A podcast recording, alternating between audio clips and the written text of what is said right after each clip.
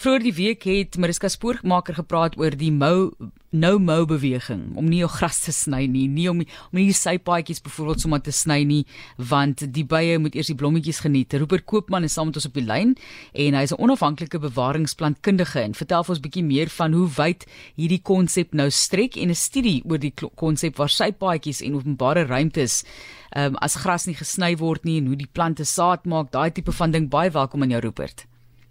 Hi Matlies. Ehm um, ja, so so dit is interessant. Ek het uh, ek is tans hier by die Fynbos Forum konferensie in ehm um, in Langebaan by Mykonos en ek het laas jaar 'n jaar gelede begin praat oor nou nou in my praatjie.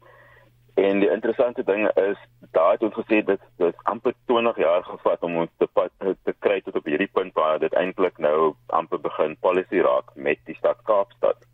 En ehm um, jy weet die die, die kern aspek daarvan is was eintlik die Dr Peter Brom se se navorsing wat hy gedoen het in Stad Kaapstad en dan van uh, wanneer hou die blomme op om saad te maak? So wat is 'n gepaste tyd om die om die mowing te begin en ook te eindig? So ons ons kyk omtrent na jy weet herfs om om om te stop en dan ehm um, in laat of middel November het al die die nie al nie maar het meeste van die blomme nou saad geskiet en en dan kan ons aangaan maar ook die baie belangrike ding wat ons hierdie keer wil amper bevestig is die feit dat hierdie is nou ehm um, jy weet kunsmatige stelsels dis nie meer fynbos of strandveld of ons het wat intact is nee of en en en dan as gevolg daarvan is daar nou uh, ook onkruid wat bykom. So daar's nou 'n bestuurselement wat wat ons uh, moet ja. doen. Sodat jy geniet die blomme maar ons moet ook die ehm um,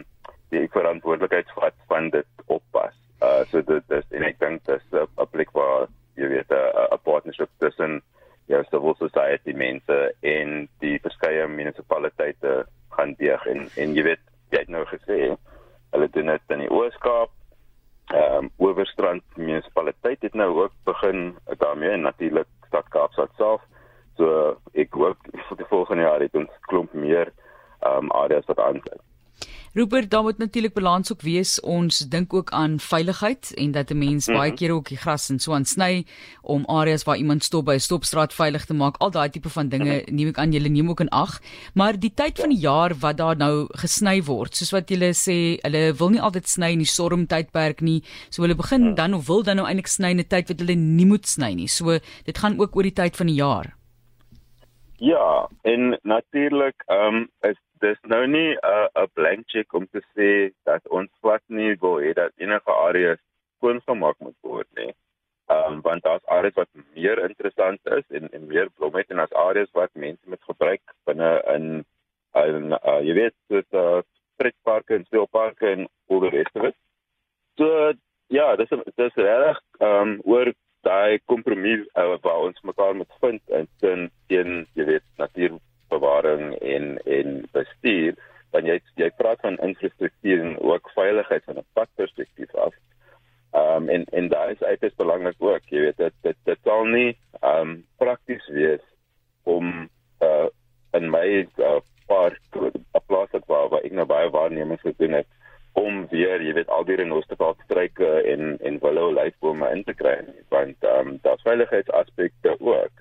So ja, ek maar ek dink dit net vir my baie lekker dat ons nou mekaar begin vind en en dat ons eintlik dit op mekaar sien. Rupert, is jy bekommerd oor stedelike biodiversiteit? Hi, ehm um, ja, en ja, so baie, jy weet, ehm um, eintlik as jy dink van waar al ons stede en net nie net in die Kaap nie, maar in die land is, is is waar die goeie grond is, waar daar baie water was, waar ehm um, die beste eintlik biodiversiteit was en dan bou ons ons stede bo op dit. So eintlik elke ehm um, area, 'n uh, verstedelike area in in die land het immense biodiversiteit wat belangrik is, maar dis ook 'n geleentheid vir ons om te kan waarneem ehm um, wat nog daar is.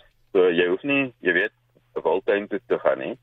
Ehm um, in meeste gevalle, veral in Kaapstad, maar maar in in die ander stede ook, is daar urban biodiversiteit wat um accessible is. You know.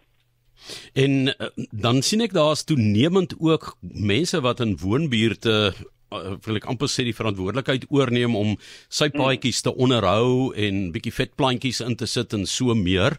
Is dit belangrik? Dit ja. is amper soos buurtwagte, maar ek wil dit nou sê sy paadjie wagte of middelmannetjie wagte. Kyk en en en dis dis nou waar jou opvoeding inkom want partykeer plant ons nou die verkeerde goed in die verkeerde plekke. Jy sal onthou van die spekboom challenge 'n paar jaar gelede. En ons is nog steeds besig om om spekboom uit te trek in natuurreservate en en stukke in Oostervaart in die Kaap, jy weet. Ehm um, so dit gaan oor wat is die gepaste elemente om om te plant. So net omdat iets inheems is in Suid-Afrika, uh hoort dit nie altyd, jy weet, op jou suidpaadjie. Ek het 'n paar weke gelede deur Kleinmond gery en daar's 'n baie nat area wat iemand nou begin onderhou en hulle het nou alwyne geplant, maar as ek so kyk na die area is dit 'n uh, uh, seisonale vlei land. So die alwyne is nie gepas om daar te wees nie.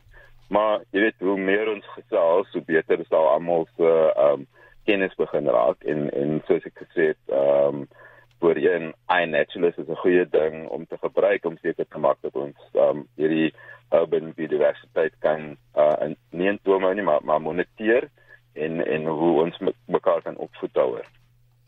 Jy het nog gepraat van burgers, Johanne daarna verwys. Wat kan ons nog doen van ons kant af? So julle is nou in gesprek met die owerhede en ons hoop dat hierdie beweging na ander provinsies toe ook oorspoel. Julle is seker in gesprek met ander dele van die land ook om hulle te motiveer daarmee, ja. maar wat kan ons verder doen?